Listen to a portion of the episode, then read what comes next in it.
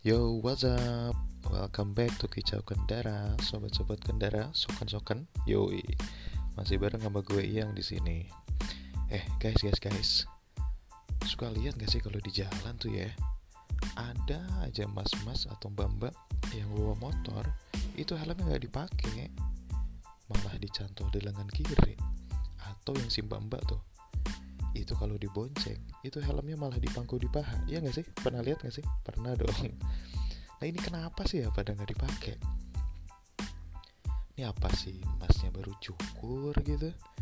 Terus dia baru pakai pomade jadi tuh apa namanya? Si undercut stylenya itu tuh. Nggak mau rusak gitu. Atau si mbaknya baru beres krimbat. Atau rambutnya baru beres di blow dipakai kali itu helm. Kan fungsinya emang buat ngerendungin kepala. Bukan buat di elbow pad. Atau itu bukan anak lu yang dipangku di pangka. Udah deh singkirin itu gengsi-gengsi.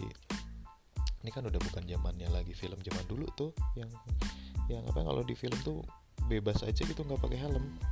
Sekarang udah ada undang-undangnya. Tapi bukan karena takut karena undang-undangnya ya kan memang fungsinya buat keselamatan lu tahu.